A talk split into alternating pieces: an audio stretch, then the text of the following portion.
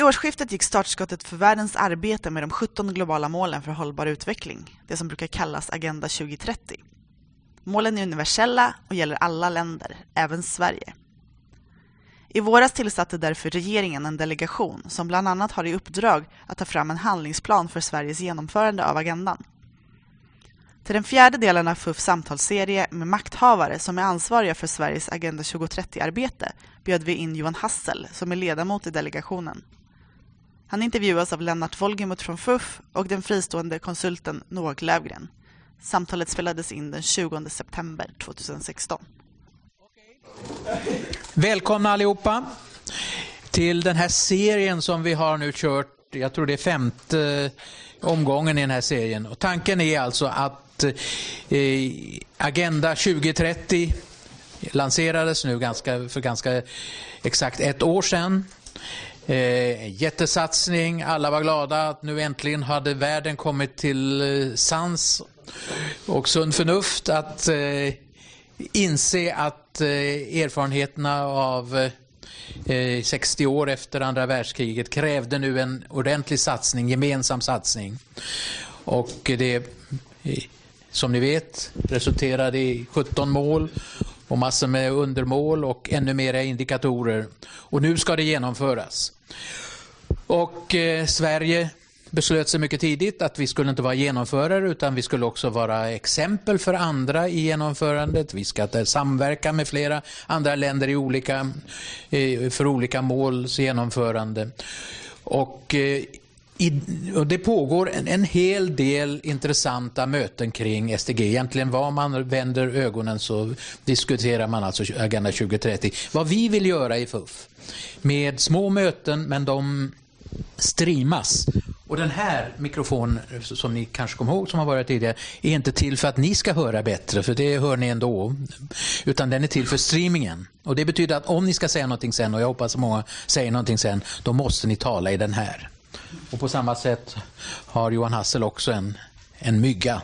Men den är inte till för er, utan han måste tala högt och tydligt så det hörs här inne. Den är till för streamingen. Syftet med de här små mötena är att vi ska försöka titta lite närmare på faktiskt genomförande. Det här är ett sätt, eh, det är ett slags advocacy. Vi vill pressa på makthavarna att de genomför det de har sagt att de ska genomföra. Vi vill se hur de gör det, vi vill förstå hur det går till. Vi har haft alltså möte med två statssekreterare tidigare och en representant från Finansdepartementet. Nu så träffar vi delegationen. Det är nämligen så att Eh, SDG, eh, Agenda 2030 ska genomföras dels i våra relationer med omvärlden. En hel del mål berör alltså hur vi ska samverka med andra, men en del berör oss väldigt mycket själva vad som händer i Sverige självt. Och även att få med så många som möjligt att förstå vad det här handlar om. Och det är vad delegationen, det är alltså en delegation tillsatt av regeringen under Finansdepartementet och eh, Johan representerade representerar den delegation. Vi hade hoppats att det skulle vara två representanter. Tyvärr så hoppade Ingrid Pettersson av i sista sekund, men det har hon gjort i nära samarbete. Så Johan eh, tar över. Och vi är väldigt tacksamma att du kom. Vi är väldigt tacksamma att du ställer upp med, för både dig och Ingrid, eller för hela delegationen.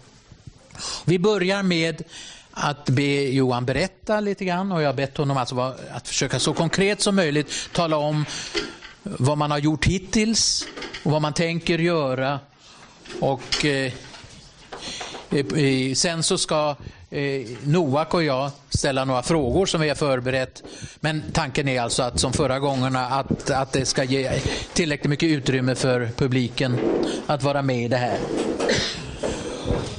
Hjärtligt välkomna allihopa. Väldigt trevligt att nu har vi fått Concord hit också så att de får, får också vara med och ställa väl förberedda frågor. Med dessa ord så vi önskar er alla hjärtligt välkomna och lämnar över ordet till Johan. Tack så mycket Lennart och tack så jättemycket för möjligheten att uh, sitta här och samtala med er ungefär under en och en halv timme om Agenda 2030 och vad är det Sverige gör. Och jag kan väl börja med att introducera mig lite lätt. Jag heter Johan Hassel och är till vardags då VD på tankesmedjan Global Utmaning. Och jag växte upp på den halländska landsbygden i Västergebro i närheten av Folkhögskolan Katrineberg eh, helt enkelt som jag ser finns med här i publiken representerar också. Eh, och sen kan man väl säga att jag har jobbat lite, gjort internationell tjänst i försvaret, jag har jobbat med bistånd, jag har jobbat för en internationell ungdomsorganisation. Och jag har studerat en del och jag är då sedan två och ett halvt år tillbaka VD på Tankesmedjan Global Utmaning. Som är en partipolitiskt oberoende tankesmedja som jobbar med hållbarhetsfrågor i, i vid mening helt enkelt. Och jag tror att du började Lennart med att säga att nu har det gått ett år sedan dess att eh, sedan dess att eh, FNs generalförsamling beslutade och enades kring de här 17 målen, Sustainable Development Goals. Och jag tycker att man kan tillåta sig själv att reflektera i två minuter över vad är det liksom, i vilken miljö är det som de här målen har kommit fram till. Så jag ska göra några reflektioner först, eh, som är lite mer allmänna. Och sen så ska jag gå in lite mer på det delegationsuppdraget då. Och vi är ju en delegation som Lennart berättade som har fått en uppgift att jobba egentligen med Sveriges genomförande och ta fram en handlingsplan eh, kring hur Sverige ska nå de här målen. Och regeringen har ju då satt väldigt höga ambitioner. Tittar man någonstans på det unika i agendan i den meningen att vi har alla världens ledare har samlats kring agendan och antagit 17 stycken mål som är faktiskt ganska holistiska, de är ganska integrerade, de rymmer alla dimensionerna mellan ekonomi, ekonomi och socialt. Så är det faktiskt ganska unikt. Tittar man bakåt i den världen som vi är födda i på något sätt så var det en mer delad värld och vi såg en finanskris 2008 som var det värsta sedan depressionen som skakade om vårt fundament. Liksom. Och jag tror att de här 17 målen, de hade aldrig kommit till så att säga utan det läget som vi är i idag. Och det är också väl som så att eh, det här är ju inte bara en fortsättning på millenniemålen därför att alla av millenniemålen nåddes inte och de accelererade väldigt mycket på slutet. Utan de här 17 målen tar ju ett väldigt mycket bredare perspektiv. Och det är faktiskt ett nytt paradigmskifte i den meningen som vi står inför. Och samtidigt som man då kan vara väldigt optimistisk och titta på de här tre stycken olympiaderna i hållbarhet som vi hade förra året. Först Financing for Development som någonstans satte liksom finansieringsramen vad det gäller bistånd. Sen FNs generalförsamling vad det gäller SDG-målen och agendan. Och sen då COP21. Så är det som så att då har vi satt en väldigt ambitiös rambild någonstans. Sen är det väldigt mycket som återstår, det är det vi ska fokusera kring. Och sen finns det en bortglömd olympiad som inträffade i Quito i Ecuador. Som är Habitat som faktiskt är väldigt viktig för den ska definiera städernas hållbarhetsengagemang. Och städerna kommer att vara själva verkstaden. Men vad är det då för miljö som egentligen det politiska systemet och vi som samhällsmedborgare står inför samtidigt som vi antagit den här agendan? Ja, men då tror jag att vi börjar se ett paradigm som faktiskt håller på att löper ut. Eh, I den meningen att vi har någonstans haft en tillväxt under andra hälften på 1900-talet och fram till idag som klimatmässigt inte har varit försvarbar och som också då har lyft miljontals människor ur fattigdomen i tanke med att järnridån gick ner 89 men som det har lett till en väldigt accelererad ojämlikhet och fattigdomsklyftor som består. Och många av de länderna som har gått ifrån att vara utvecklingsländer till att bli så att säga, medelinkomstländer de har inte lyckats skapa de sociala systemen som det faktiskt faktiskt krävs för att sprida välstånd och skapa en generell utveckling i länder. Och det är det som har gjort att vi ser samhällen som dras isär och den ojämlikheten som är. Och då är det någonstans i den populismen som vi ser i Frankrike eh, med Le Pen, i den Brexit-diskussionen som vi såg i Storbritannien, vad vi ser i de tyska valen men också den rasismen och främlingsfientligheten som bubblar fram i Sverige. Och vi ser att Trump håller på någonstans och förstör samtalsklimatet och är rent profascistisk skulle jag vilja säga i USA så är det liksom två stycken mentalt olika världsbilder som man faktiskt kan måla upp i vi står någonstans. Där agenda, hållbarhetsmålen och de här tre till fyra olympiaderna är någonstans det goda visionära. Medan så sen ser vi en verklighet som, som fylls av ganska mycket som är väldigt obehagligt. Och då står vi inför en jätteutmaning. Hur når vi detta? Och då tror jag att en del av det som man måste konstatera det är att det kan inte vara business as usual. Men tittar man på mycket av det som hänt sedan Coop21 eller tittar man på mycket av det som hänt sedan 2008 då ekonomin kraschade ihop eller man tittar på den existentiella kris som EU lever igenom eller om man tittar på det hattandet man kan säga att vi i viss mening har kring budget och svensk politik så tror jag man kan säga att det är egentligen inte så mycket som har hänt.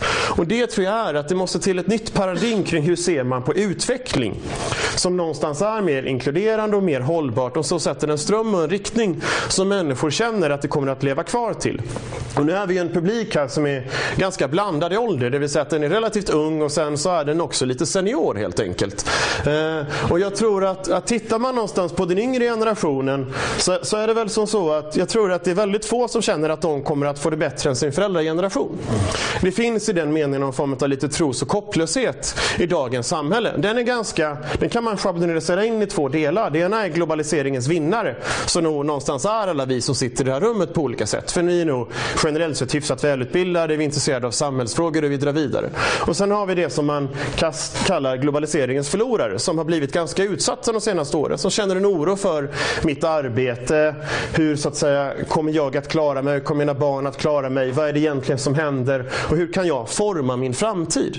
Och jag tror att tittar man då på den tillväxten som var och som i viss mening skapade de klimatobalanserna som vi har, så fanns det givetvis en framtidsoptimism och man kände att man byggde någonting.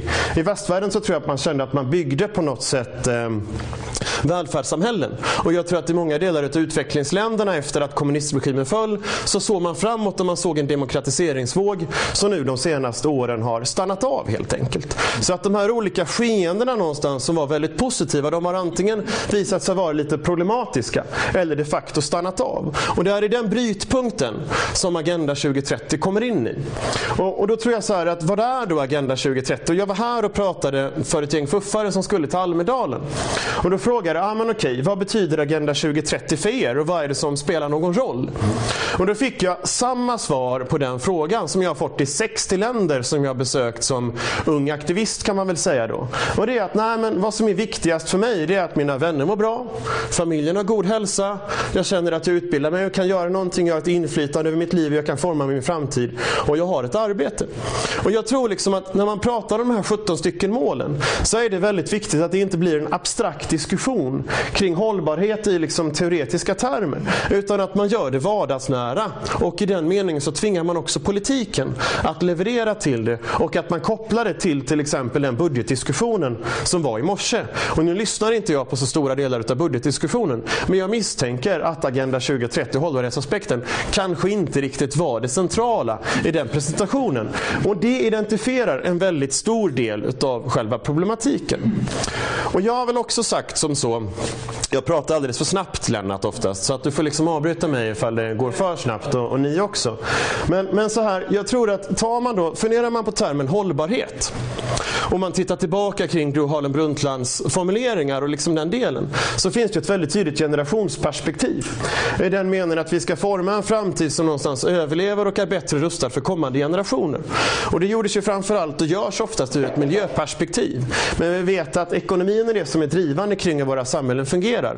Och vi vill alla nå sociala mål. Och i grunden vet vi också, tror jag, att hälsa, kunskap och utbildning är det som är avgörande för hur mår ett samhälle och hur rör sig så att säga, den delen framåt. Och då tror jag att då är det väldigt viktigt att se den här hållbarhetsmålen ur ett generationsperspektiv och sätta egentligen barn och unga i centrum för det. För sätter man barn och ungas livsförutsättningar i centrum för agendan, då är det som så att då kommer det ganska nära. Jag och Noak och också Lennart kommer nog att överleva. Däremot våra barn eller barnbarn i den meningen, ifall klimatförändringarna verkar ut, eller ifall det är som så att vi inte får koll på den sociala oron som nu någonstans galopperar runt om. Den kommer att vara ganska svår. Va? Så, att ta, så att ta ett ungdomsperspektiv eller ett barnperspektiv är viktigt i den meningen att då flyttar man framtiden framåt. Och nu är det 2016, målen togs 2015 och 2030 är ganska långt fram. Va? Den andra poängen med att göra det, det är någonstans att säga att där du kan göra de största insatserna, det är faktiskt också på barn och unga. Vad det gäller hälsa, vad det gäller utbildning och den delen. Men pratar man också livsförutsättningar, ja, men då handlar det inte bara om vilken kunskap kan du förverka dig i skolan. Utan det handlar också om vad är din boendemiljö? Hur bor du? Hur ser ditt kvarter ut? Hur ser din stad ut? Vilka sociala resor kan du göra i din stad och på vilket sätt påverkas din värld på det sättet? Och för att återsluta då till den här fjärde olympiaden som sker i Quito om, om några veckor. Så är det som så att vi lever idag i en väldigt stark urbaniseringsvåg. Det är en av alla de här globaliseringstrenderna som driver på. Och där tror jag liksom att tittar man runt i Stockholm eller man tittar runt i Malmö eller vad man vill så kan man se att vi lever ganska segregerat. Och det är inte som så att vi bara inte möter varandra på det globala planet utan vi möter varandra inte heller riktigt i städerna. Och jag tror vi måste fundera över hur formar vi våra städer, hur formar vi våra samhällen och därigenom hur formar vi våran framtid. Så att vi möter varandra och att vi ser att det här hör ihop och börjar bry oss om däromkring någonstans. Va? Och jag tror att den stora fördelen är det att den yngre generationen som lever upp, de lever upp i en gränslös värld. Därför att den generationen som växte upp efter andra världskriget levde upp så att säga det Europas fredsprojekt och med de efterdaningarna.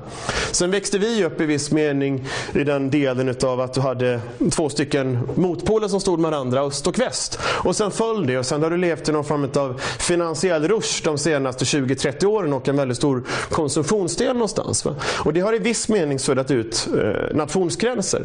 Men, den, men vi har också haft möjligheten att resa och därmed kanske se och få en annan bild av världen. Men den yngre generationen som växer upp i ett digitalt gränslöst värld tror jag ser på det här på ett helt annorlunda sätt. Va? Och det tror jag har en jättestor betydelse för hur vi ser på kultur, mångfald, etnicitet och det är till grunden som är det som driver samhällen framåt. Det vill säga mångfald, dynamik och utveckling. Medan många känner sig hotade utav det. Och det är det som har skapat den här, i viss mening, populismen som vissa utnyttjar för rasistiska och ganska dova budskap någonstans. Så att jag vill på något sätt inleda med de här reflektionerna för att säga att jag tror att man måste liksom fundera ganska mycket kring vad det är agendan betyder. Hur ska man se den här, hur ska man tolka den så att den kommer nära? Och så att politiken inte kan fly ifrån den utan att den faktiskt hamnar i själva budgetdiskussionen. Och att vi gör det nära, men också att på det sättet vi gör det nära i Sverige och i Stockholm eller i Västergebro gör att den också är nära och närvarande globalt sett. Och att den hittar den kopplingen. Och det är väl det någonstans som jag tycker är en bra ingång ingång till den här delegationen och vad är det då som statsministern och regeringen har sagt att, att Sverige faktiskt ska göra.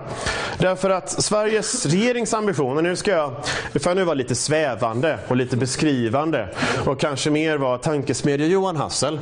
Så ska jag nu då försöka vara lite mer delegations Johan Hassel och, och beskriva lite lätt vad, vad, är delegationens uppdrag? Vad är det vi ska göra? Vad är det vi har gjort hittills och vad är det vi ser framöver? Och då tror jag att jag ska bridgea de här 20-25 minuterna jag fått på en lite mer allmän del och sen en lite mer get down to the business del helt enkelt. Och då kliver vi på det. Och regeringen har ju satt en ambition att Sverige ska vara ledande i genomförandet av FNs Agenda 2030 för hållbar utveckling. Och de har tillsatt den här delegationen att framförallt jobba med ett nationellt perspektiv. Det vill säga, vad är det vi i Sverige kan göra? Men det sker ju i den kontexten att Sverige faktiskt har sagt att man ska vara världsbäst.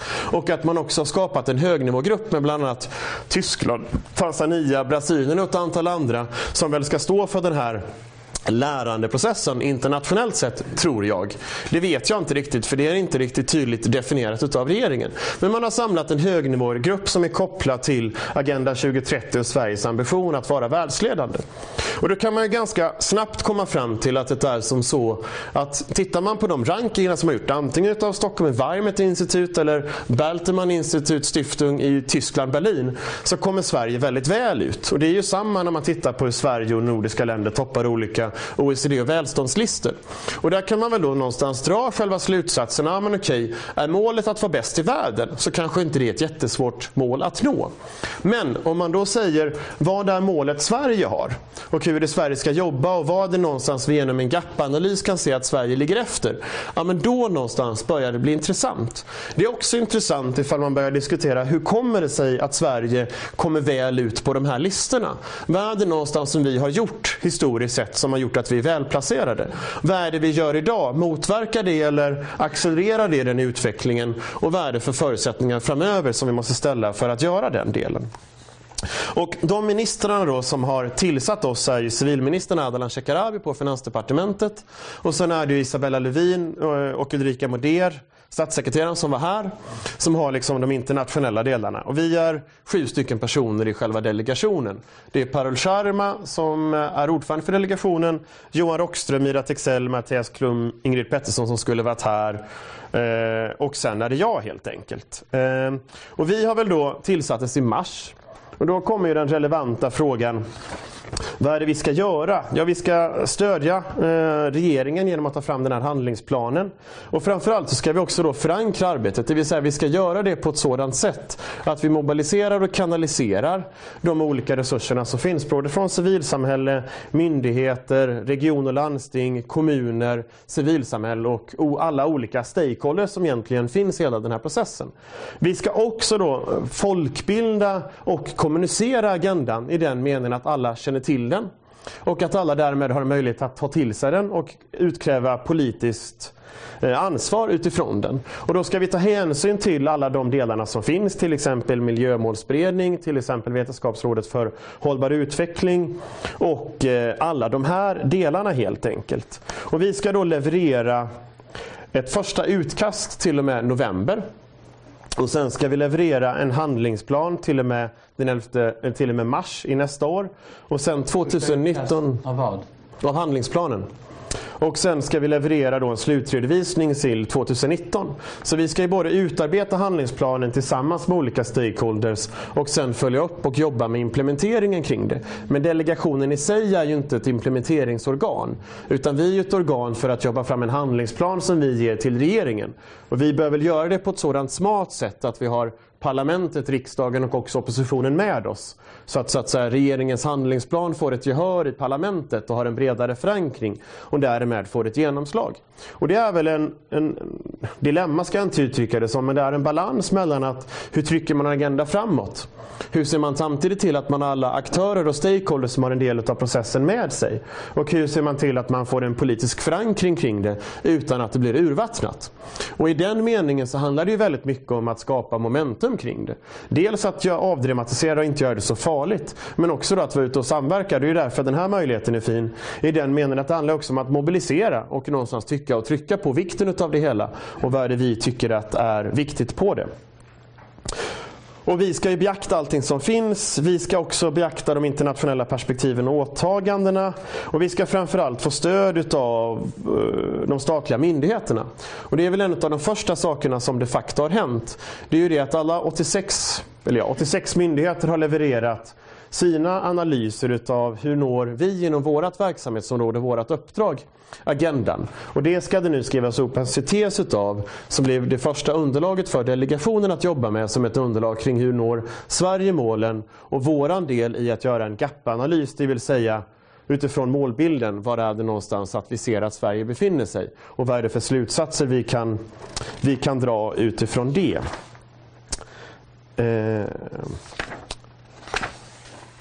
Och då kommer vi att genomföra det arbetet i två stycken faser i stort. Och den första fasen kommer att handla just om att vi tar in den här gapanalysen och sen kommer vi ha sektorsvisa dialogmöten med de olika sektorerna. Civilsamhälle, näringsliv och vi kommer att skapa en speciell kommundialog eftersom kommunerna kopplat till erfarenhet från Agenda 21-arbete har getts en central roll av regeringen kring hur Sverige ska genomföra och nå själva målen. Och det här ska vi göra under hösten, vintern 2016.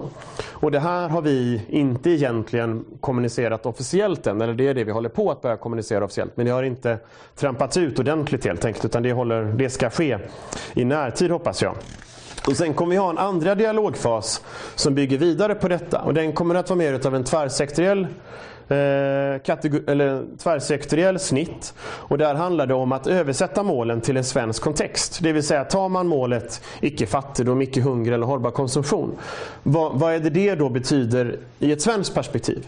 Det vill säga, och det är egentligen här det börjar bli intressant. Det vill säga vad, vad eh, hur når vi då, utifrån analysen vi har gjort kring hur når vi målen?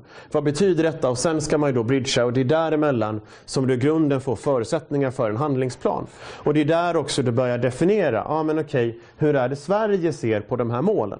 Och då ska vi göra det i nära samverkan med alla sektorer. Och det arbetet ska då dra igång vintern, våren 2017. Och det är det i slutändan som kommer att leda fram till den handlingsplanen som ska levereras i mars då, nästa år helt enkelt. Eh, och i det arbetet med att tolka målen så sitter vi väl också nu och funderar på, men har inte bestämt oss för, kan man klustra, det vill säga dela in målen på ett logiskt sätt som gör att det blir lättare att arbeta med dem utifrån vilka perspektiv, utifrån vilka perspektiv skickar man en riktning kring detta eh, i den meningen. Man ska ju alltid ha någon sån här liten brasklapp på slutet. Och, och brasklappen på slutet är väl den att, att vi tillsattes som delegation i mars. Och, och det kom ett kommittédirektiv som väl egentligen jag kan tycka att regeringen i grunden har gett en tolkning på till delegationen nu efter sommaren. Eh, först. Och vi hade ett antal träffar inom delegationen under våren. Eh, men det tillsattes ingen kanslichef som tillträdde förrän i juni. Eh, och det är en eminent person, eh, Katarina. Men det innebär också att vi hade vårt första riktiga möte som delegation i juni.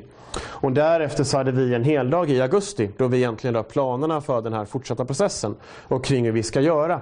Det innebär att min bild av vårt arbete det är att från augusti till var vi befinner oss nu så har vi gjort väldigt mycket faktiskt. Då har vi kommit överens om väldigt mycket inom delegationen och vi känner oss nog väldigt rustade för det fortsatta arbetet. Men man ska också erkänna att mellan mars och att vi tillsattes och egentligen att vi kom igång efter sommaren eftersom det bara var några korta arbetsdagar i juni innan det var semester och sen i viss mening att högnivåforumet i, i New York ägde rum så skedde det inte så mycket arbete från delegationens sida. Och Det tror jag väl är, eh, det är viktigt att ha i åtanke. Eh, och, och där kan jag väl då säga att som att utses till en delegation och få ett väldigt hedersamt och fint uppdrag som man känner ett stort ansvar för och som man vet om att det finns ett jättestort intresse för. Så blir man väldigt frustrerad när man känner att man inte kan leverera på det. Och det är väl egentligen först nu som jag sitter och känner att ah, men okej, nu har vi grundförutsättningar för att börja leverera. Och därmed så är det ett jättebra gångstart också för en dialog kring det. Okej, får jag börja med att skjuta in direkt några konkreta frågor? Ja. Sekretariatet, hur många personer? Eh, det är idag tre personer, det kommer det att bli en till två till. Och då är det som så att eh, det beror lite på hur vi definierar och lägger upp arbetet, vilka kompetenser till det är vi ska knyta till oss. Är det de som ska skriva allting? Och ni delega, delegationen är rådgivare, experter eller eh, är det Nej, så här. Det, det, eh, ja, men, vi tog faktiskt en arbetsordning mellan delegation och kansliet eh, på, på föregående möte. Vilket var det andra mötet då efter den här, eller ja, första mötet efter heldagen men andra mötet i höst.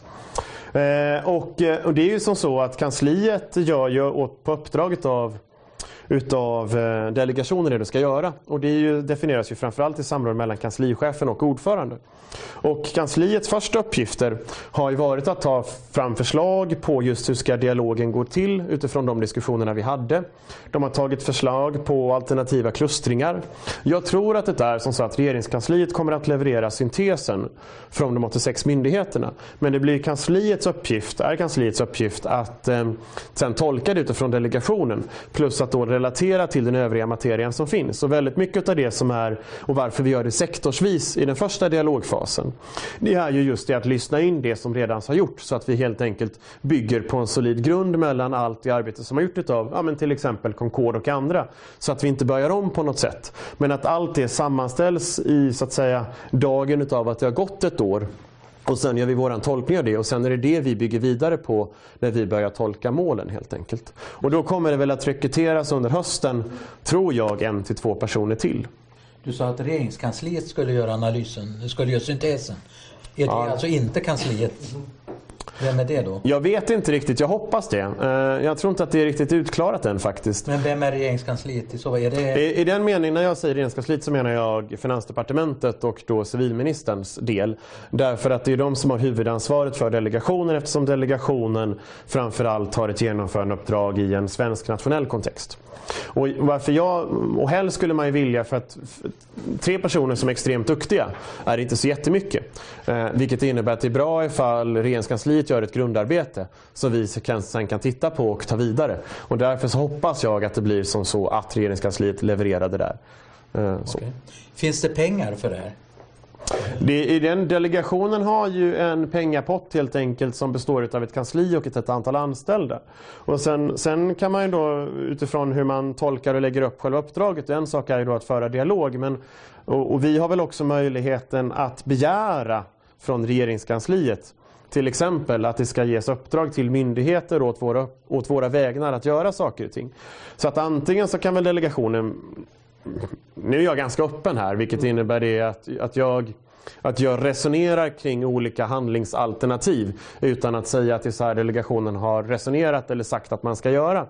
Men logiskt sett när det då finns lite pengar så kan man antingen be om att andra gör saker och ting eller så kan man be om mer pengar. Och pratar man om en större folkbildande kommunikativ insats, då kommer det att kosta väldigt mycket pengar. Och det har väl tidigt definierats inom delegationen att det är fallet. Och sen har vi väl sagt att vi ska diskutera några varv till, hur vill vi att det här ska läggas upp? Och därefter får ju vi dra en slutsats och vända oss till regeringskansliet och be om helt enkelt antingen att någon ska göra det här eller en pengapott för att det ska göras.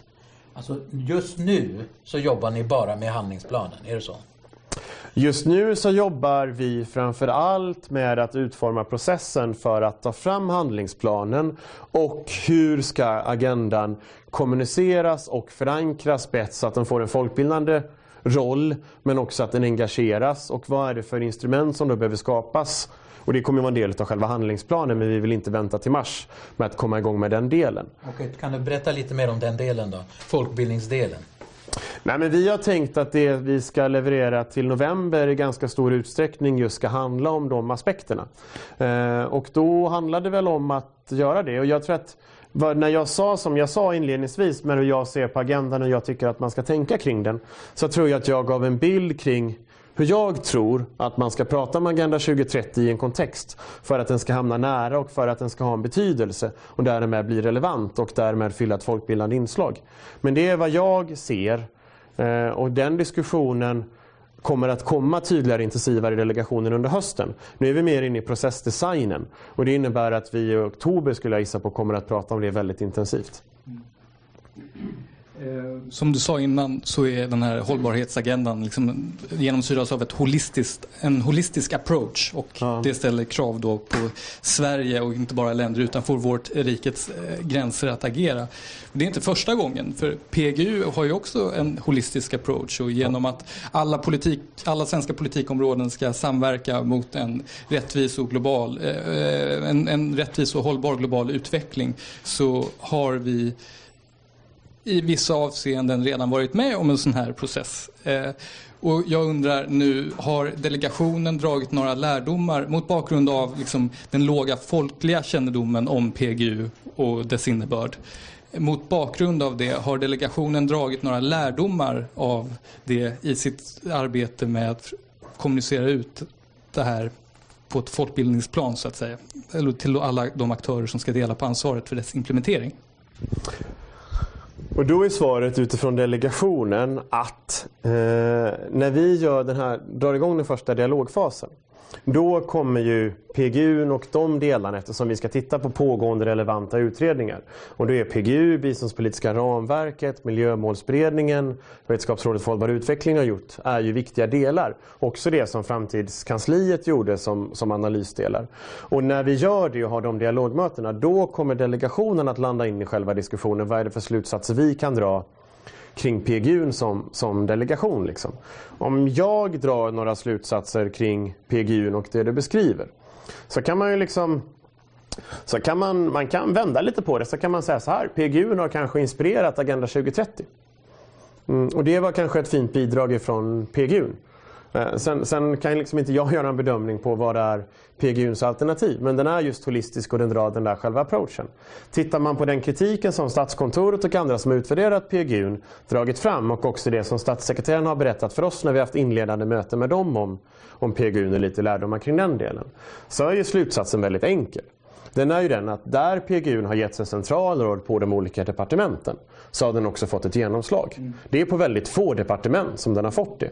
Och när den har hamnat på en politiskt hög nivå, alltså politisk tjänstemannanivå, då har det funkat. När den har hamnat längre ner i hierarkierna, då har den inte haft en, har inte haft en verkan. Det är också så att ifall den är frikopplad från själva budgetdelen, då är det så att då har den heller ingen relevans. Och det kan man väl säga är en av en av delegationens allra första slutsatser när vi hade vårt möte tidigare i våras, alltså juni när vi började prata, så var det så här, vi är totalt övertygade om att vi måste in i myndigheternas direktiv och redovisningar.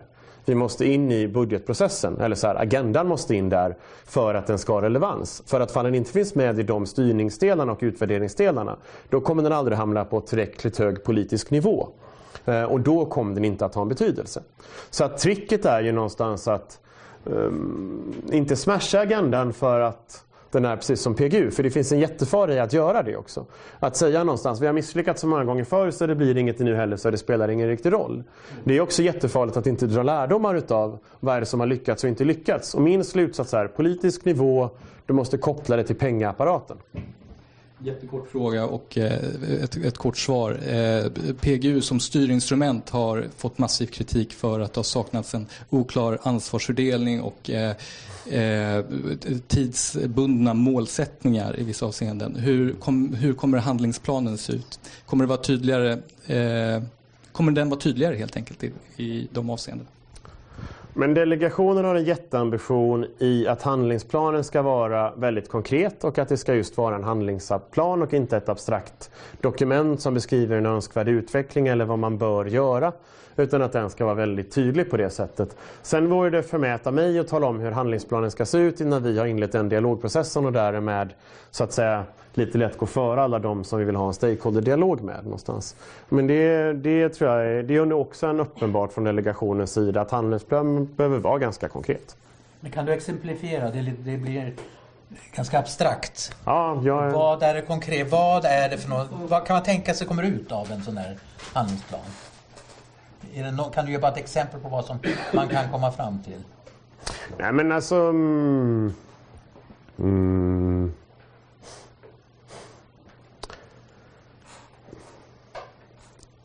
Jag vet inte, så här, tittar man på kommunerna som bas och Agenda 21-arbetet då kan man väl komma fram till att det ska finnas en lokal Agenda 2030-plan i respektive kommun. Man kan prata liksom om ska det finnas en särskild samordnare eller ska man bestämma att det ska finnas på kommunchefens till exempel ansvarsområde. Ska det kopplas, eh, hur ska det liksom kopplas till finansbudgetramverket? Det är, liksom, det är ett sätt någonstans liksom att styra och lyfta på vikten kring det. Man kan, man kan liksom diskutera kring hur ska kommunerna utifrån hur de når olika resultat i Agenda 2030 fördela pengar. Det är svårare någonstans, då kliver man in på ett politiskt territorium.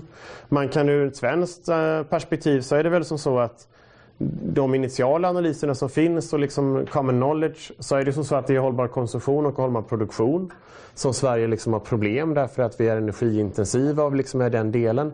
Och där kunna, borde man kunna ge tydligare handlingsplaner kring ifall du ska nå den här målutvecklingen till 2030. Vad är det som då måste nås inom en svensk ram? Vad bör det ha för påverkan på styrinstrument? Styrinstrument är lagliga regleringar, det här skatter, men vi ska inte ge förslag på skatter. Men man kan liksom peka på styrinstrument som, som måste finnas där för att du ska vända en utveckling på ett nationellt plan.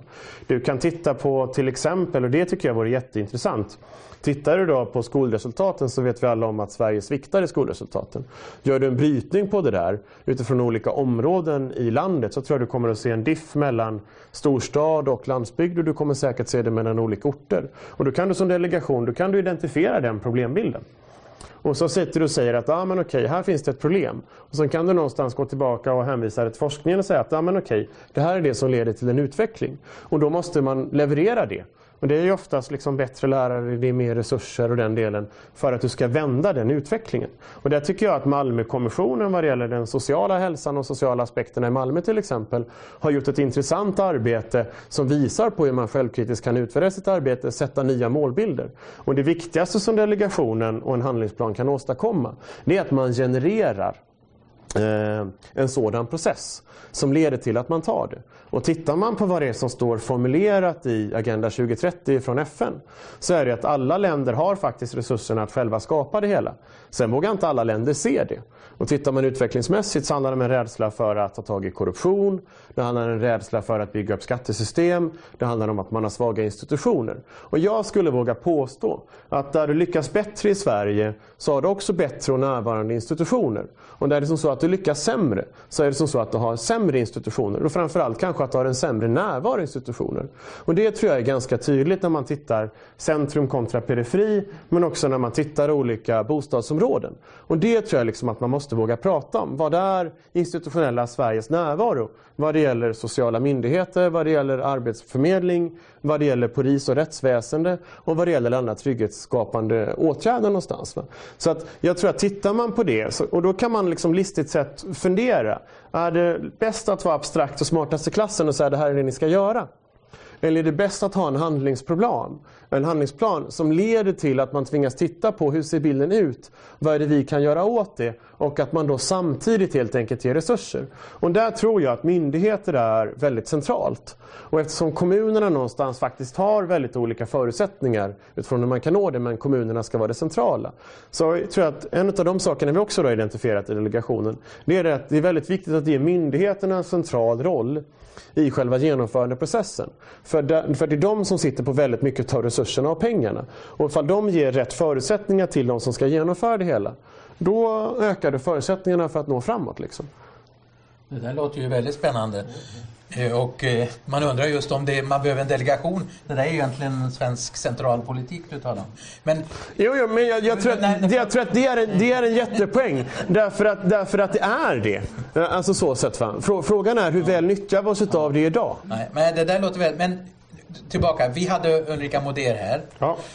Och vi eh, pressade henne ganska hårt. För att vad hon talade om var egentligen alla delar av eh, Agenda 2030 som berör våra relationer med andra länder.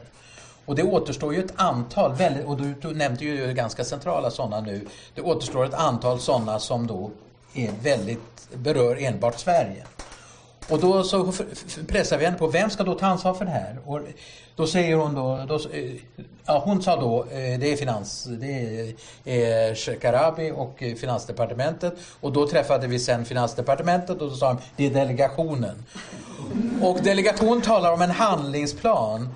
Och då måste det finnas någon som genomför och jag förstår ju, det, du säger det här är ju kommuner, det är landsting och sådär. Men vem är det i regeringskansliet som har praktiskt ansvar nu på samma sätt som utrikesdepartementet har att, att man praktiskt genomför nu eh, de olika målen vad gäller våra relationer utåt.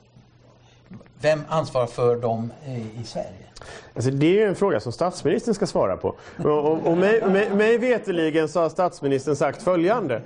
Det, det, är att, att alla statsråd har ett ansvar för genomförandet av Agenda 2030. Och sen när delegationen tillsattes så träffade vi tre stycken statssekreterare. Vi träffade framtidsministern Kristina Persson, statssekreterare Maja Fjästad. Vi träffade biståndsministern eh, Isabella Lövin, statssekreterare Ulrika Moder och vi träffade civilministern Ardalan Shekarabi, statssekreterare Anneli Rosvall Ljunggren. Och och, och, och, nu så att säga har en fallit bort. Eh, och sen är det som så att, eh, att biståndsministern har ju den internationella delen och civilministern har den nationella delen. Och vårt uppdrag är att ta fram en handlingsplan. Jag hur mycket jag, det förstår ni säkert, gärna skulle styra så att säga, både regering och myndigheter och till och med ibland någon kommun. Va? Så, så, så kommer jag inte att varken kunna eller få göra det någonstans. Va? Och vi kan ta fram en handlingsplan och jag tror att nyckeln för oss är så här att ju bättre vi klarar av att ha, ta tillvara på all den kunskapen som finns, det är en schablon men ja, och föra en tillräckligt relevant stakeholder-dialog, det vill säga det att man någonstans trycker, ja men vad är det ni kan göra, men vilket ansvar har ni? Så kommer den handlingsplanen, utifrån det kommer den handlingsplanen bedömas vilken legitimitet den har. Och ifall vi gör det tillsammans med myndigheter och kommuner som är stakeholders och vi lyckas lura politiken lite ibland. Eh, och då menar jag så att vi får med oss både regering och riksdagen. Då, då levererar vi en handlingsplan som förhoppningsvis är väldigt ambitiös men som också så att säga har en genomförbarhet. Och då ligger du väldigt väl hemma. Ifall vi springer för fort eh, och inte får med oss näringslivet, vi får inte med, eller vi får inte med oss kommuner, eller vi får inte med oss civilsamhället eller vi får inte med oss myndigheterna. Då, då kommer vi att sakna ett av de benen som, som den här genomförandeprocessen måste stå på. Det är samma sak ifall vi lägger en, en handlingsplan som regeringen tycker jättemycket om men som oppositionen och därmed att den inte får en majoritet i riksdagen inte når upp till. Då kommer det heller inte att funka någonstans. Va? Så, att, så att det är därför liksom jag sitter i en jättedelikat situation här i att säga liksom tillräckligt mycket för att ni inte ska känna att fan det här är ju meningslöst. Eh, och att heller inte springa för snabbt fram eh, i den meningen att, att Eh, man känner att vi missar någonting och varför ska den här delegationen lyssna på oss? Liksom? Eh, för den har ju redan bestämt sig för hur det här ska funka och vara någonstans. Va? Och jag tror att Noaks fråga är liksom, vilken betydelse hade PGU eller vilken betydelse har det här? Va? Den ligger väldigt mycket i det någonstans. Så det ligger liksom i betraktarens öga. Och ifall vi då säger att ah, men det här är skit, det spelar ingen riktig roll eller det blev inte så bra. Då skapar man en ursäkt för att inte bryr sig. Och tanken där är också att alltså, det viktiga är också att skapa ett momentum. Det vill säga det här är 2030. Hur trycker man politiken så att den tar rätt beslut just nu som gör att vi har en möjlighet att 2030 landa in det där. Och tittar man på tittar man på budgetdiskussionen och till exempel hur närvarande hållbar utveckling är som ett begrepp så är det en ganska lång bit kvar. Va? Alltså det egentligen är ute efter är ju att hitta vem som är ansvarig för vad. Ja. Vem som är ansvarig. Jo men Sverige, civilministern, internationell Isabella Lövin. Okej. Okay. Eh, det här det är säkert många som vill följa upp. Jag har en eh, aspekt och egentligen eh, följa upp det Noak sa förut också. Du, du pekar så mycket på alla eh, aktörerna. Ja. Och det sitter ett antal aktörer. Jag har varit med under, under våren här i tre, fyra stora internationella dagar på universiteten. Och de sitter i princip och väntar mm, på att någon ska ge dem instruktion om hur ska de hantera det här, vad ska de göra. Så att det sitter alltså väldigt många. Det finns många som redan är intresserade, det finns många som kanske skulle vilja engagera sig. Frågan är hur ska man få igång den här processen? Och du talar om att i handlingsplanen så ska ni ge förslag om hur man ska hantera det här med att föra ut budskapet och kunskaper kring, kring det här. Men i processen ligger ju också att ni måste interagera med många. Och det här skulle vi gärna... Hur långt har ni tänkt i det här? Och vad blir de nästa steg i, i fråga om att agera, interagera med aktörerna? Men där går det nog ut en inbjudan ganska snart. Och jag vill inte säga exakt snart för att jag, jag har en styrelse och är VD på en tankesmedja. Så att jag, när styrelsen talar om för mig eh, när ska det gå ut en inbjudan så brukar jag bli sur. Så att jag ska inte sitta som delegation och tala om när kansliet ska skicka ut en inbjudan. Men det går ganska snart ut en inbjudan till alla centrala aktörer som kallar till möten i den här första dialogfasen. Och, och där det helt enkelt sker en mapping och där alla bjuds in och där vi också då kommer att lyssna in kring vad det som har gjorts och det fortsatta. Och sen kommer det då att ske en andra runda eh, efter att den första rundan är gjord som kommer att vara byggd i en annan sammansättning. Det vill säga då ska vi jobba kring målen och då ska det vara tvärsektoriellt. Så att den knappen, aktiveringsknappen, den trycks på här den kommande veckan tror jag. Och, och, då, och, och, i det så ska väl vi då kommunicera bredare, kanske lite mer väldigt artikulerat än vad jag har gjort här, kring hur ser den här processen ut och vad är det man ska jacka in. Liksom. Och det här är väl också den stora frustrationen man känner att varför kunde inte jag suttit och sagt det här i maj? För då hade det ju efter mars till exempel varit hyfsat snabbt i alla fall. Va? Och, och det där är väl lite att vi förlorade ett momentum eh, under våren. Det ska man, det ska man erkänna. Okej, okay, jag tror att vi massor med frågor nu. Kan du ta ett antal frågor åt gången? Så att... Ja, jag visste. Det går alldeles utmärkt. Det är bara att köra på. Karin, du måste tala i det här tyvärr. Ja. Eh, ja, jag, alltså jag, jag är helt överväldigad. Jag, jag, kan inte säga något annat därför att det här verkar vara en totalt omöjlig uppgift.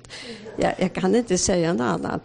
Att på så kort tid åstadkomma så mycket som du nu har berättat för oss det är inte möjligt med en delegation på nio personer och ett sekretariat på tre plus två eventuellt. Men ambitionen är, är uppenbar att det är höga ambitioner.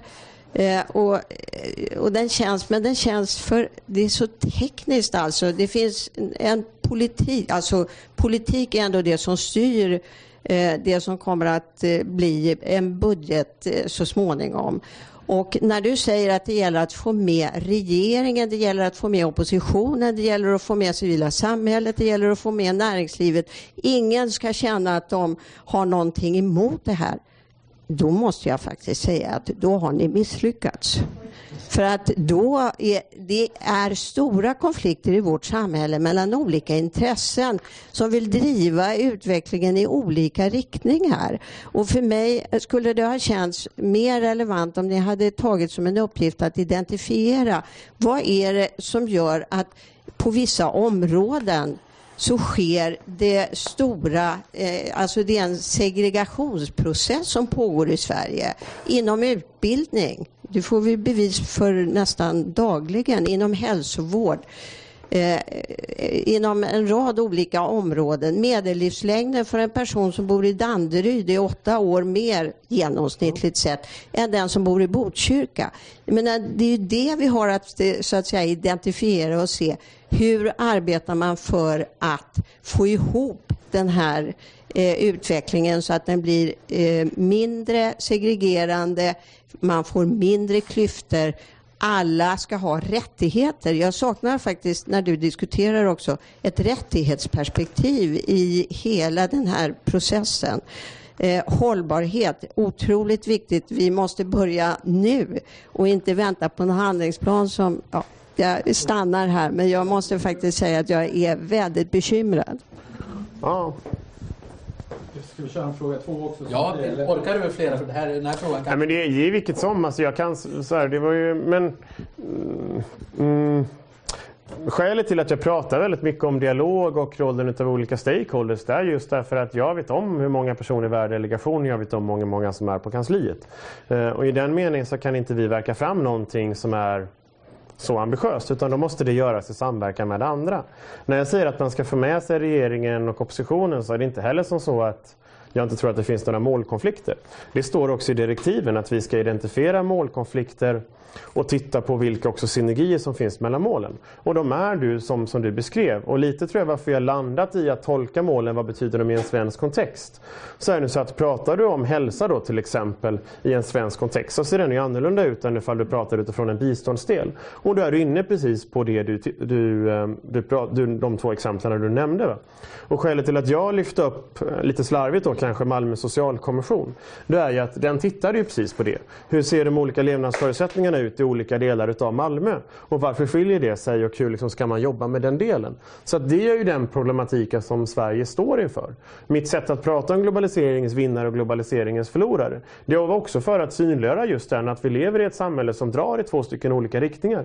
Då vissa människor känner att ja, man vinner på den globaliseringen som pågår och andra känner en väldigt stor rädsla och känner att ja, men jag tappar lite mark hela tiden. Och det är någonstans det här stora som agendan eller politiken kanske egentligen ska svara upp till någonstans. Och jag tror att det samtalet är väldigt viktigt. Eh, så, det tror jag är väldigt viktigt och, och vad vi, jag kanske kan bidra med det är att hjälpa till att sporra det där samtalet. Sen är ju mänskliga rättigheter ett genomgående tema och en förutsättning för, eh, för hållbarhet. Jag ska prata på ett seminarium på Bokmässan på torsdag om just yttrandefrihet och hållbarhet. Det vill säga vad är kopplingen däremellan och hur intimt beroende de är utav varandra. Sen är det ju heller ingen hemlighet att det är lättare att prata hälsa till alla och det är lättare att prata att nå klimatmål eh, mål i FNs generalförsamling än vad det är att prata mänskliga rättigheter. Och det, och det är lättare att prata det än att prata korruption. Tyvärr. Va? Därför att det är som så att många av de som är representerade där är korrupta. De, de leder länder som saknar, de är auktoritära och som saknar institutioner. Och vi ser en negativ trend eh, sedan ett antal år tillbaka vad det gäller demokrati, vad det gäller auktoritet. Både inom Europas gränser, i närområdet och bredare. Så att det tycker jag definitivt är med. Men jag har här valt, i det jag inledde med att säga, lite från det var en beställning, att mer fokusera kring det, vad är det som ligger mer i den svenska kontexten och vad är delegationens roll i förhållande till det.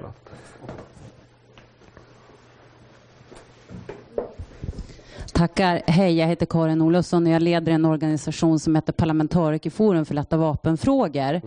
Mm. Eh, och vi samlar parlamentariker över partigränser i, över hela världen i arbetet för att minska och förebygga väpnat våld och specifikt små lätta vapen. Och det här är, det är en problematik som inte bara finns internationellt tyvärr utan även i Sverige.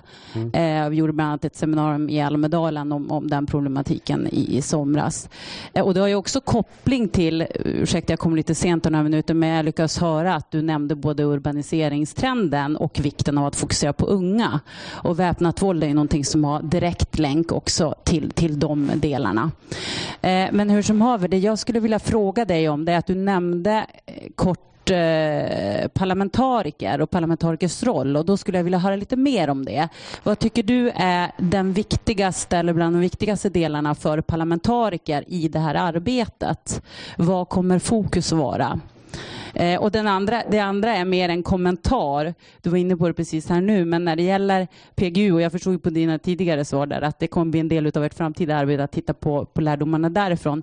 Men det verkar ju oerhört relevant att titta på alla de analyser och alla de slutsatser som har dragits kring målkonflikterna, för det finns ju redan där som en bas. Mm. Och där är ju också Sveriges, eh, Sveriges hantering av politik när det gäller vapenexporten viktig när det gäller agerandet och anseendet internationellt.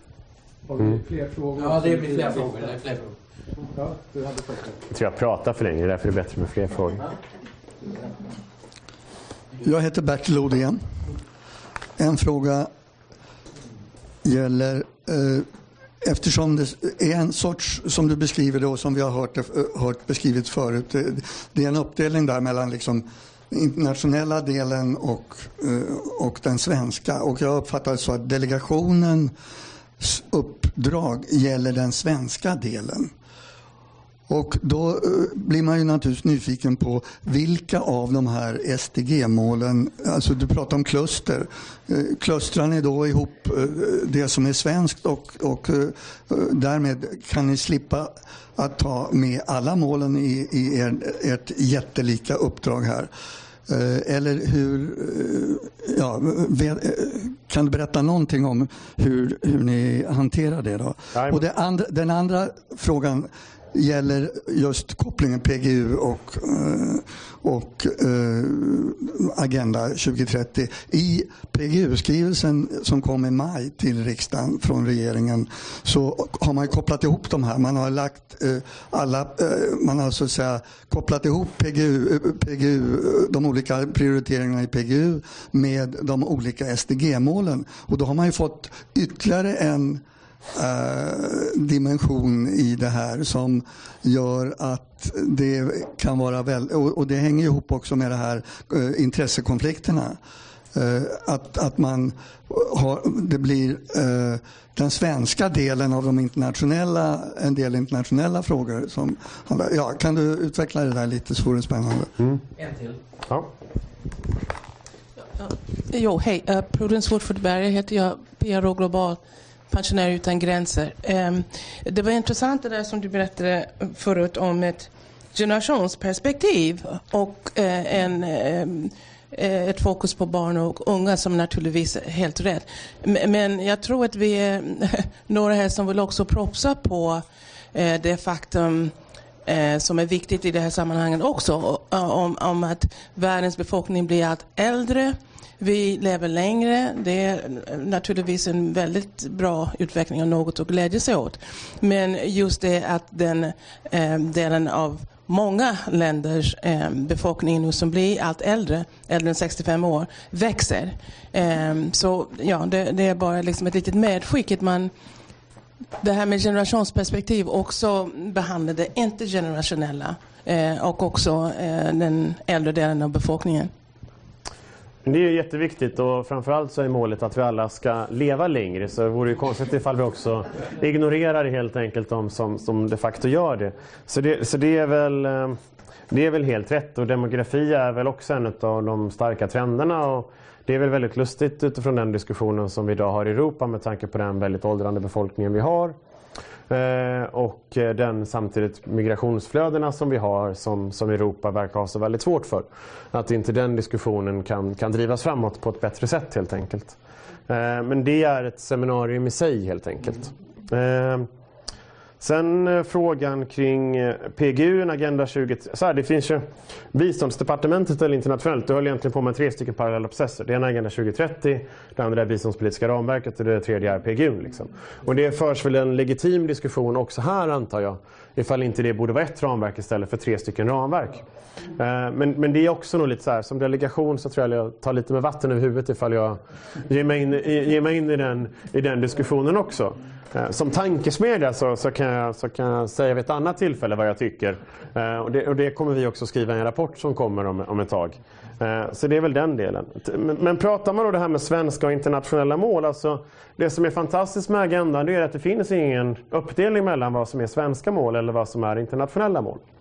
Och det är väl därför vi har sagt att det är viktigt att tolka målen utifrån en svensk kontext. Och tar man då mål till exempel fred och säkra samhällen så ligger väldigt mycket i det som du pratar om kring lätta vapen där. Gör man analys kring det liksom globalt sett, ja men det är klart att då tittar du på konfliktförebyggande Eh, och liksom fred och säkerhet och liksom internationella insatser och den aspekten. Ska du tolka det i Sverige och liksom titta vad är själva problembilden? Ja, men ja, då landar du definitivt i det okontrollerade flödet vi har utav lätta vapen i Sverige. Liksom. Och, och gör du då en tolkning av mål 16 till exempel utifrån en svensk kontext, ja, men då, får du säkert ett, då kommer du säkert till en slutsats att ja, men okej, det här är vårt största problem för det här målet och vad är det då för åtgärder vi kan göra kopplat till det helt enkelt. Så att jag tror att det är så man måste se samvaron mellan den internationella kontexten och den svenska kontexten. Och då kommer det väldigt väl in. Vi har i så här, i kommittédirektivet så är det lite lustigt. Därför att det är nämligen som så att då står det att vi ska samverka med i praktiken alla som finns i Sverige. Men riksdagen är inte nämnd. Eh, och då hade expertgruppen för biståndsanalys hade ett seminarium och då var det två stycken forskare från Lund som hade skrivit just om ansvarsfördelningen och gjort lite en analys av tillsättningen av delegationen, var vi kom ifrån och olika delar som poängterade detta. Och det var då ett seminarium som var i Rosenbad Eh, Eh, och jag kommenterade själva rapporten.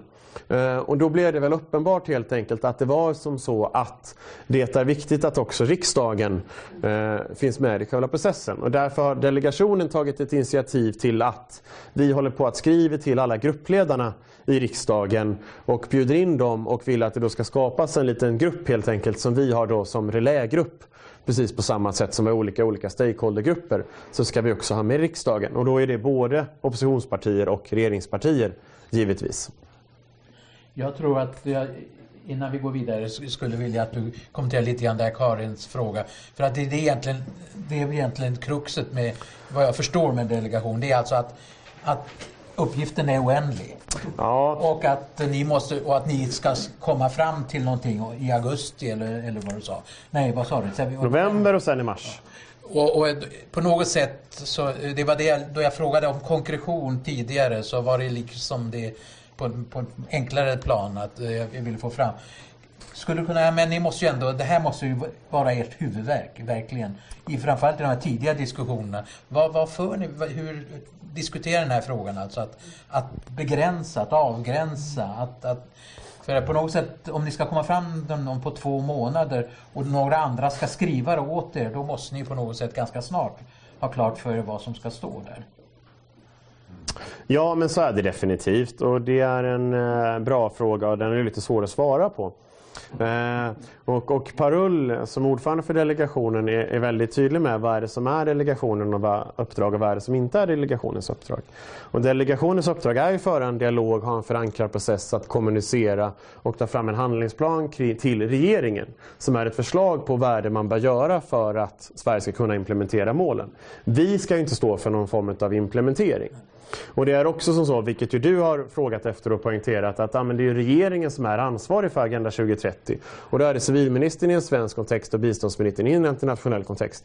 Det är inte jag i den meningen som sitter med Svarte Petter. Eh, så. Eh, men, så det är väl liksom den delen. Sen då, när man då börjar avgränsa en handlingsplan, då finns det en viss form av politik i det här. Eh, I den meningen att när, när du gör det så, så är frågan liksom, vad är det som blir själva fokus? För det är klart att vi måste hitta ett fokus, hitta en koncentration och liksom leverera kring vad är det egentligen det handlar om.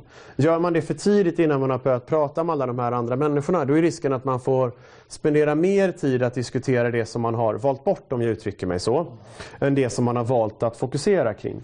Så att det finns kanske en liten strategi från min sida att inte reta upp för många genom att säga att det här ska vi inte syssla med, utan det är det här det handlar om.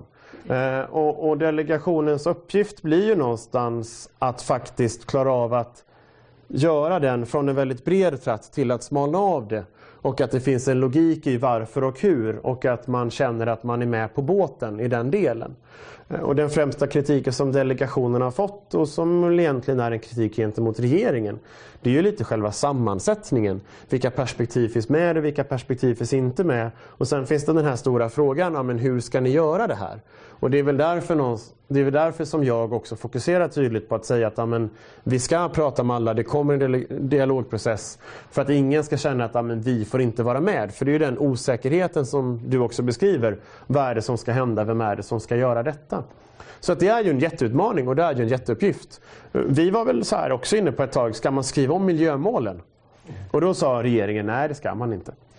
Eh, så att, men det exemplifierar ganska bra det här att, att när vi satt och pratade eh, i delegationen så kom vi fram till att, ah, men okej, ska man verkligen nå Agenda 2030 då kräver det kanske att man skriver om miljömålen. Det är ju ett jättestor del. Och då sa regeringen, nej men det ska han inte. Det är inte uppdraget, utan uppdraget är att titta utifrån de befintliga strategierna och handlingsplanerna som finns. Va? Så, att, så att det finns också, i den meningen finns det också en begränsning. Och den kanske i grunden då är sund, för den kanske gör att du klarar av att leverera. Men det är inte helt enkelt, eh, den där avvägningen. Får bara, får bara fråga, vem är regeringen i sådana sammanhang? Eh, I det sammanhanget så var det miljödepartementet. Hej Så här, vi, vi har ju, det kan man säga också. Eh, Delegation, förlåt Anders. Eh, de, delegationen har ju så här, delegationen har ju en tätare dialog med statssekreteraren från eh, civilministern och från biståndsministern.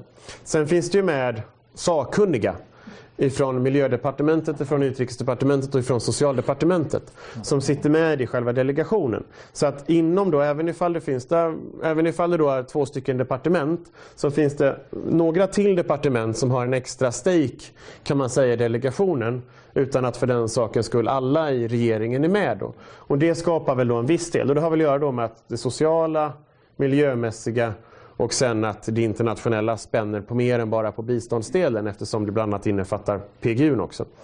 Så, så finns det väl där ett lite större referensnätverk helt enkelt. Och därmed då så var det miljödepartementet i denna frågan. Förlåt. Ingen fara. Eh, Anders från UNDP Sverige. Det var jätteroligt att höra att du pratade väldigt mycket om hur vi ska involvera barn och ungdomar i början här. Eh, och det är väldigt många som säger det i väldigt många olika processer och forum. Mm. Jag hoppas du inte ställer upp, men jag misstänker att varken du eller resten av delegationen anser sig vara barn eller ungdomar längre. Eh, så jag undrar rent konkret, hur ska ni jobba med att få in barn och ungdomars åsikter i ett samhälle där ungdomar framförallt kanske känner sig mer och mer distanserade från politik i allmänhet? Mm. Har vi någon fråga till samtidigt? Det där är en jättebra fråga. Jag, FUF och LSU arrangerade en Youth Conference eh, förra helgen eh, som jag också var och pratade på. Då pratade jag ganska mycket om just eh, barn och ungas perspektiv. Och jag själv då är definitivt, ja, tyvärr inte ung längre, eh, men, men, eh, men har ju växt upp i ungdomsorganisationer, om än dock en politisk sådan. Eh, jag tror att ett trick varför jag säger att man måste ha med generationsperspektivet i hållbarhetsdefinitionen. Det är just därför att då claimar du att du måste ha en ett ungröst och ett ungdomsperspektiv på det du driver. Och det tror jag är ett sätt att säga att ifall det ska vara ett perspektiv så måste du också efterfråga den kompetensen. Och då måste du också säkerhetsställa att de är med i, i, i den processen helt enkelt. Ehm, och det är väl en taktik från min sida. Och jag tror, vi vill inte, vill inte säga för mycket, men jag tror att ungdomsorganisation kommer att vara nöjd med hur vi lägger upp stakeholder-dialogen. I den meningen att vi kommer nog göra som så att vi kommer att lista vissa aktörer som något mer centrala som kommer att finnas med genomgripande medan andra kommer att vara med mer sektorsvis. Några mer som vill ställa frågor? Får jag göra? Ja, kom igen Karin.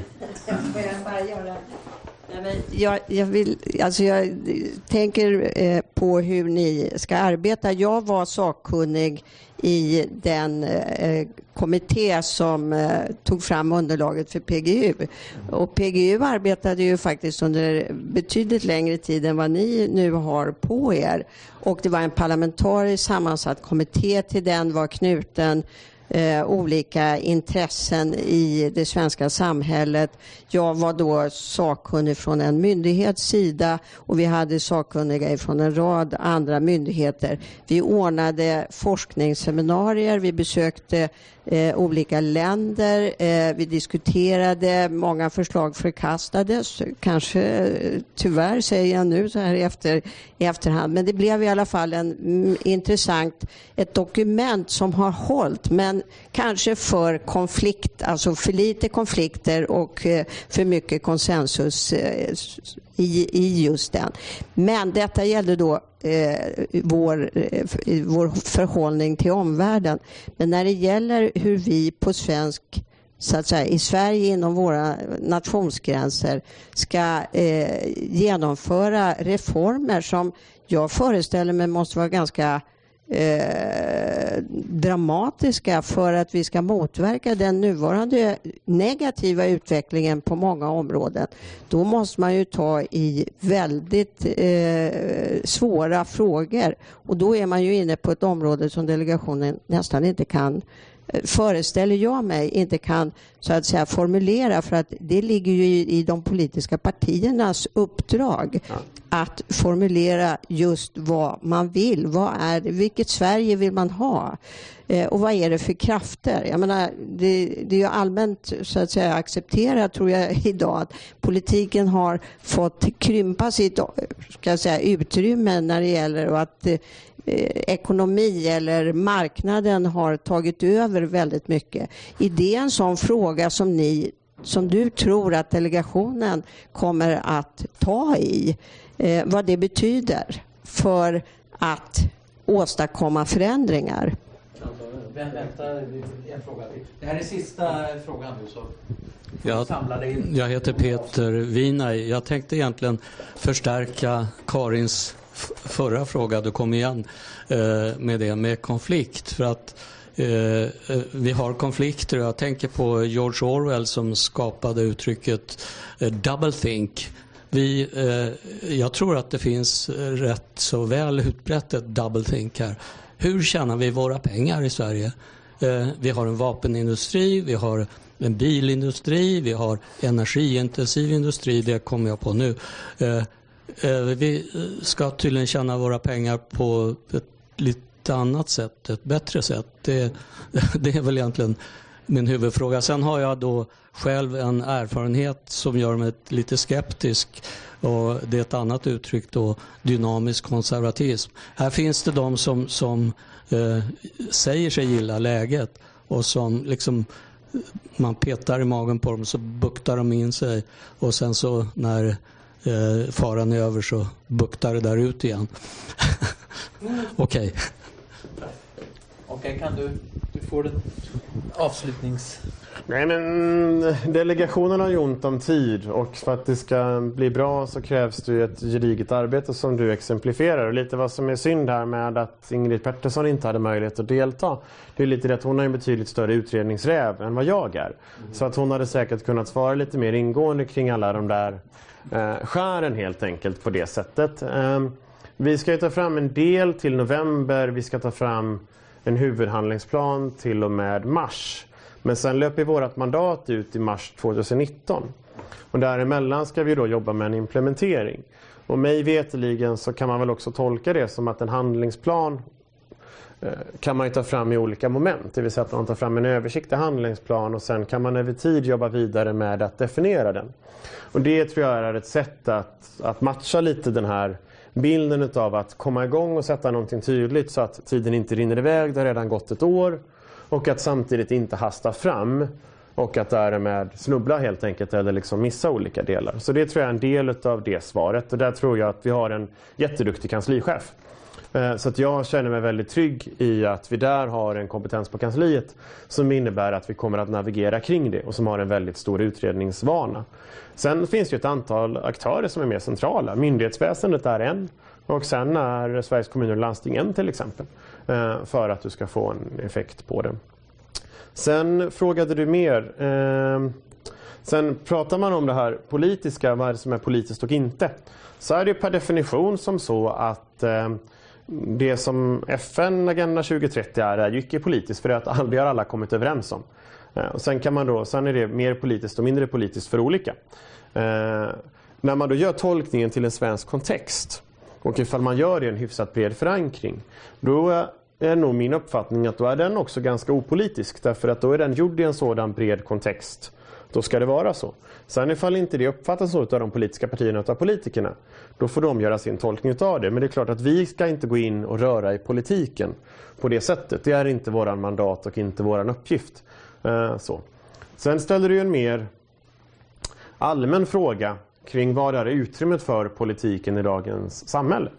Och det är en jätteintressant fråga och när man pratar statsvetenskapligt så ritar man ju oftast höger-vänster-dimensionen och man kan prata en Europeanization Eh, utav den ekonomiska politiken och i grunden att den är tryckt utav liksom ett nyliberalt paradigm som och de budgetreglerna som man satte genom EMU-införandet och som Sverige i stor utsträckning är en del utav eftersom de också har en bäring på riksbankerna och som återspeglats i den diskussionen som var i Bratislava då till exempel Italien och Frankrike vill gå utanför budgetramarna för att stimulera mer. Och så samtidigt finns det olika syner i Europa och mellan länder kring vad är en aktiv ekonomisk politik och vad är det inte. Liksom. Och det kan man diskutera utifrån olika delar av eh, different worlds of welfare capitalism eller, eller olika delar. Men jag tror att generellt sett så kan man väl säga, och det är väl synnerligen så i Sverige och har varit så ganska lång tid, så, är det väl som, så har man ett ganska litet utrymme som är mellan höger och vänster på skalan i just den ekonomiska politiken. Och tidskriften Fokus hade ju ett jättetalande eh, omslag för ett år sedan, eller fall det var två år sedan, som gjorde en stor tårtbit och sen visar man hur liten skärvan var utav den stora statsbudgeten. Den som egentligen var det som höger och vänster bråkade om. Och det är många som gör analysen kring främlingsfientligheten och populism och andra alternativs eh, framväxt. Att det till viss del beror på att höger och vänsterkonflikten i debatten har blivit så liten. Och det tror jag är en del varför man pratar så mycket svensk modell ifrån de politiska partierna i dagsläget för att man vill förstärka den konflikten. Och istället då så har Galtan-skalan växt, alltså Green Alternative Liberal, som någonstans är mer där Sverige landar vad det gäller värderingar kring mångfald, vad det gäller kön, vad det gäller familjebildning och den delen. Och sen traditional authoritarian och national som är mer auktoritärt, som är mer traditionellt vad det gäller könsroller eh, och olika delar på samhälls... Och att Sverigedemokraterna och andra partier som, som är liknande landar väldigt ner, långt nere på, på tandskalan. Och att det uppenbarligen är så att många människor känner sig väldigt attraherade av det och därför så får det den konfliktdimensionen istället. Men det är ju då det som jag tror många skulle säga mer en intellektuell, akademisk, statsvetenskaplig, ekonomisk diskussion som kanske inte hör till det konkreta eh, i en handlingsplan. Eh, men som definitivt sätter ramar och som spelar, har betydelse för hur samhället för, föds och liksom hur samtalet förs i själva politiken och hur politikerna rör sig kring det. Men det, och det kommer jag jättegärna som VD på Tankesmedjan Global Utmaning hit och fortsätta prata om. Men, men däremot så tror jag att Barull och eh, kanske till och med regeringen skulle bli ganska förbannad ifall jag, som, i den meningen att jag ska representera delegationen, svävar ut för mycket av den delen. Men skälet till att jag började så brett med att prata om vad är det någonstans, vad är det som vi ser vad det gäller hållbarhetsdelen och den agenda som faktiskt håller på att förflyttas framåt. Och vad är det faktiskt som sker i våra samhällen, hur människor uppfattar den utvecklingen som rör sig framåt. Och att det som faktiskt är ganska positivt inte uppfattas så positivt utav alla och vilka motreaktioner det skapat. Det, det är i det läget som vi ska försöka ta fram den här handlingsplanen och genomföra den agendan. Och det är ganska mycket den typen av reflektioner som du precis gör. Va? Och det är det som gör uppgiften så svår. Kanske nästintill omöjlig. Utan du måste hitta någonting som flyttar världen en del framåt. Som faktiskt är möjligt men som stretchar den delen. Och då har vi nog alla ett ansvar och det kan väl få vara någon form av summerande ord i så fall. Eh, att, eh, att faktiskt eh, jobba fram det där och fundera kring vad det är det som gör att vi som brinner för hållbarhet trycker det här framåt. Eh, och hur gör vi det här till en agenda som blir möjliggörande och som också är genomförbar. Eh, och hur ser vi till att vi väger in alla de faror som vi ser och misslyckade delar men nyttjar dem som lärdomar för att accelerera en utveckling. Eh, det är, det är jättesvårt men med tanke på hur många kloka människor det finns i det här rummet och hur många andra kloka människor det finns och med tryggheten om att det här inte är den sista fåtöljen eh, på Agenda 2030 så är jag ganska förvissad om att vi kommer att klara av en del i alla fall. Stort tack Johan. Jag, jag, tror att vi har alltså nu eh, både haft en övergripande diskussion men framförallt syftet med detta möte var ju att försöka, försöka få kläm på vad exakt ni håller på med. Och det, det har ni fortfarande inte fått ett svar på.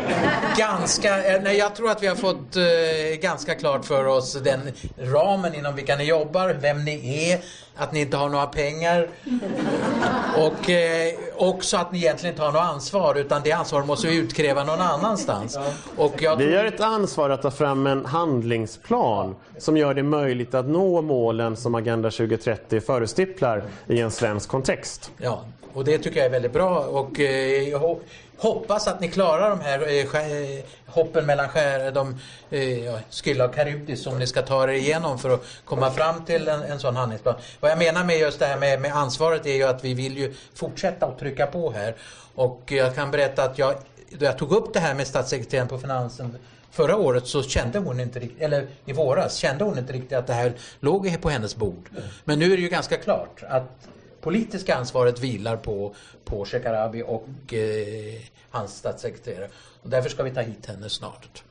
Det, det, ska vi i alla fall jobba för. Tack så hemskt mycket och tack för att ni kom